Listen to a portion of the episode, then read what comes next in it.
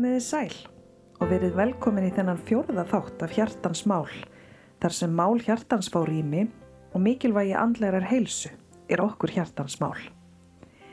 Ég vona að helgin hafi verið ykkur ljúf og þið hafi getað nýtt helgina í nákvæmlega þar sem þið vilduð.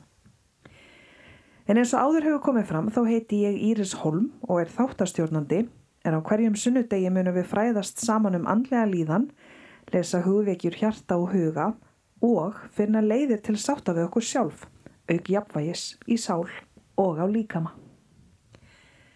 Þátturinn er partur af verkefninu Þú skiptir máli sem er forvarnarverkefni gegn einelti, fíkn og sjálfskaða. Í þessum þáttum gefst fólki kostur á að gefa sínum skrifum rödd og við hvetjum þá sem vilja senda okkur greinar eða hugveikjur til að senda okkur tölvupóst á hjartansmál.irisholm.gmail.com Í þættinum í dag fær grein önnulógu Ólafsdóttur rödd. En eins og áður hefur komið fram í þessum þáttum þá er Anna Lóa mentaður náms- og starfsrákjafi, markþjálfi og jafnframt stopnandi Hamingjuhortsins sem hægt er að finna á Facebook. Og ég mæli eindriði með því að þið kíkið á þá síðu. Við færum önnulógu okkar bestu þakkir fyrir og með því hefst lestur á greininni Mætum kvíðanum.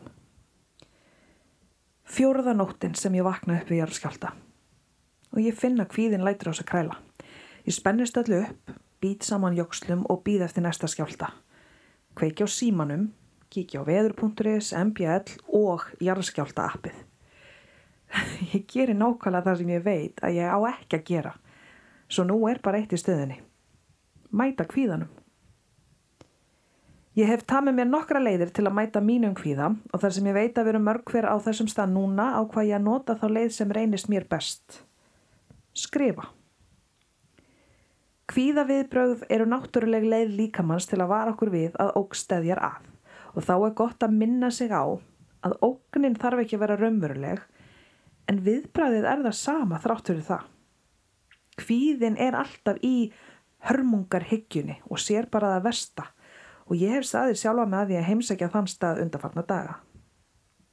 Þess vegna er gott að deila líðansinni og því sem er að fara í gegnum kollinamanni þegar maður er að upplifa hluti eins og við erum að fara í gegnum núna. Við þurfum líka að muna að þegar við erum að fara í gegnum erfiða tíma að þá er kerfið okkar viðkvæmara og þá þarf minna til til að kveikja á því.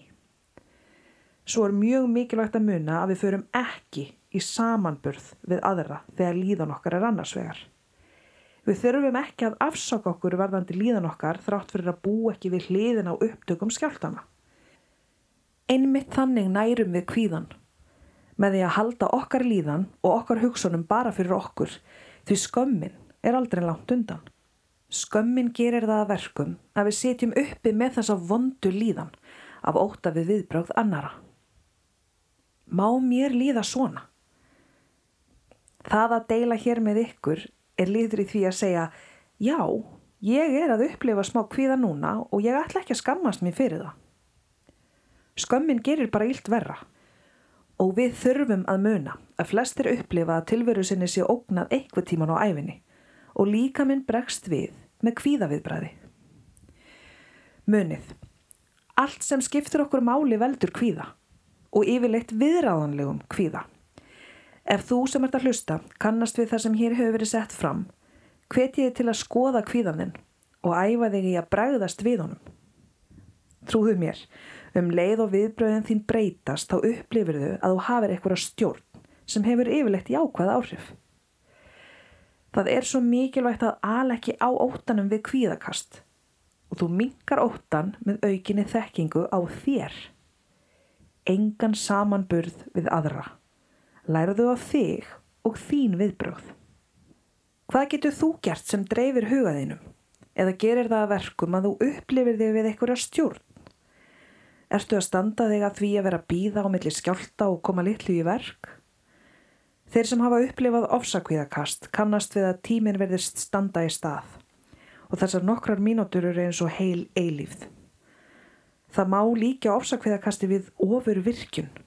Kvíðakerfið virkjast 100%. svo sannarlega ókveikjandi upplifun en getur hjálpað til að vita að þetta er ekki hættulegt ástand og gengur yfirleitt yfir á tíu mínútum. Sjálf lærði ég að stíga inn í óttan og vinna á móti kvíðanum. Ég reynlega talaði við kvíðan og leta hann vita að hann var ekki við stjórn. Ég tók tíman og yfirleitt voru þetta bara um 57 mínútur en ekki heil eilífið eins og tilfinningin var. Ég deildi líka með öðrum hvernig mér leið sem var mjög erfitt fyrir mig því ég gekk með þá grillu í kollinum að ég ætti alltaf að vera við stjórn og ekki finna til kvíða við ákveðnar aðstæður. Ég lærði að gera minna af því að býta saman jókslum og kreppanhefana og meira af því að segja hvernig mér leið. Þegar kvíðin verður hamlandi og hefur áhrif á daglegt líf er talað um klíniskan kvíða sem þarnast meðferðar og kvíðaraskanir eru læknanlegar. En þar sem kvíðin trublar ekki daglegt líf en er samt aðna er um að gera prófa sig áfram í atfellistilraunum því þær virka. Í dag finn ég til dæmis að ég þarf aðeins að slaka á varandi fréttinnar og kannski sleppa því að vera með jarðskjálta app í símanum. Mér líður strax betur eftir að hafa sest niður og skrifa þennan pistil en þarf að vera duglega að minna mig á hvað hefur neikvæð áhrif á mig. Hvernig ferð þú yfirlegt í gegnum erfiða hluti? Viltu vera upptekinn og gera einhverja hluti sem dreifa huganum eða hendar þér betur að vera í róliheitu með einhverjum til stuðnings? Við erum misjöfn og því geta mismunandi leiðir hendað okkur. Áreiti getur verið misjönd og það er ekki ólíklegt að einhver sem er að hlusta á þennan pistil finnir til smá kvíða við hlustunina sem er sönnun þess hvernig ósjálfráða kerfið vinnur. Ekkert óæðilegt að við séum að upplifa alls konar líðan og tilfinningar þessa dagana. Tjáum okkur um það og verum þannig til staðar fyrir hvort annað í staðis að vera veltaði fyrir sér hvað sé normal í þessari stöðu.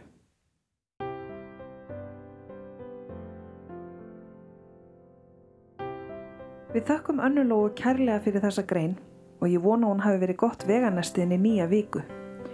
Ég finn sjálf fyrir kvíða þegar óvissan er svona mikil og ég veit að ég þarf núna að minka áreitið. Segja skilið við ákveðna hluti sem valda mér bara hreinlega of miklum kvíða. En eins og ég hef áður sagt þá er mitt markmið í þessum þætti að fjalla um mál sem skipta mig máli og eru ykkur hjartansmál.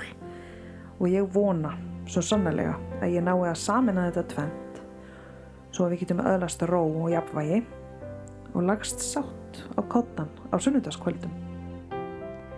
Ég heiti Íris Holm og við sjáumst að viku liðinni.